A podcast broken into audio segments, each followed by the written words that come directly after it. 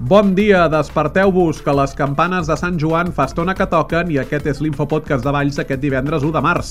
Comencem el nostre capítol informatiu explicant-vos que la CUP de Valls ha engegat una campanya informativa per apostar per l'escola pública.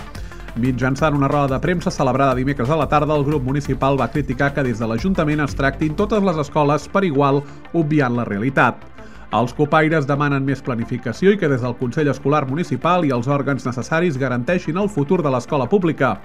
D'altra banda, la mateixa formació ha criticat la manca de voluntat política i han posat com a exemple diverses propostes que es duen a terme, com per exemple la Festa de la Pública de Molins de Rei.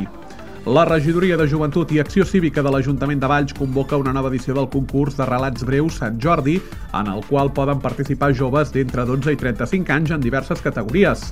Aquesta és la 17a edició del certamen i el termini per presentar els relats finalitza el divendres 8 de març. La dotació total dels premis és de 1.220 euros repartits en diverses categories. El concurs compta amb la col·laboració de les llibreries ballenques Enzarà, Tram i Roca, que donen nom als premis i aporten un xec regal de 30 euros per a les quatre persones guanyadores del grup A, estudiants d'ESO. D'altra banda, us anunciem que el Museu Casteller de Catalunya ha notificat que els pròxims dies 5, 6 i 7 de març no estarà operatiu al públic per tasques de manteniment. L'equipament tornarà a obrir les seves portes el proper divendres 8 de març. Temps per als esports. Aquest cap de setmana els equips masculí i femení del CE Vall cercaran la victòria amb la mirada posada en objectius ben diferents.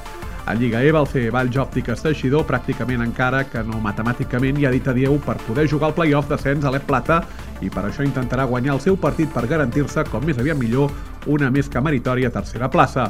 Per la seva banda, Copa Catalunya, el femení del Club Bàsquet Vallsdic lluitarà per fer realitat el somni de la salvació de la categoria, que està molt difícil però també matemàticament no impossible. El CE Valls Òptiques Teixidors desplaçarà aquest dissabte a Saragossa per visitar la pista del Quarte de Huerva, on jugarà un quart de set del vespre. El CE Vallsdic, per la seva banda, es desplaçarà a Barcelona per enfrontar-se al Badruna Gràcia, quan resten nou jornades de Lliga. I a la Lliga Elit de Futbol, la Unió Esportiva Valls vol acabar aquest cap de setmana amb la mala ratxa de 7 partits sense vèncer.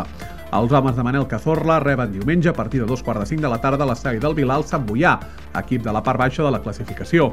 Els ballencs, que venen de perdre la setmana passada al camp del Rubí, es troben a dos punts a la zona de promoció d'ascens a tercera ref i a sis dels llocs d'ascens. El maig entre la UE Valls i el Sant Boià es podrà seguir en directe per Ràdio Ciutat de Valls. I això és tot per avui. L'Infopodcast Valls és una coproducció de Ràdio Ciutat de Valls i la xarxa de comunicació local. Gràcies per la seva atenció i que passin un molt bon cap de setmana. Fins dilluns.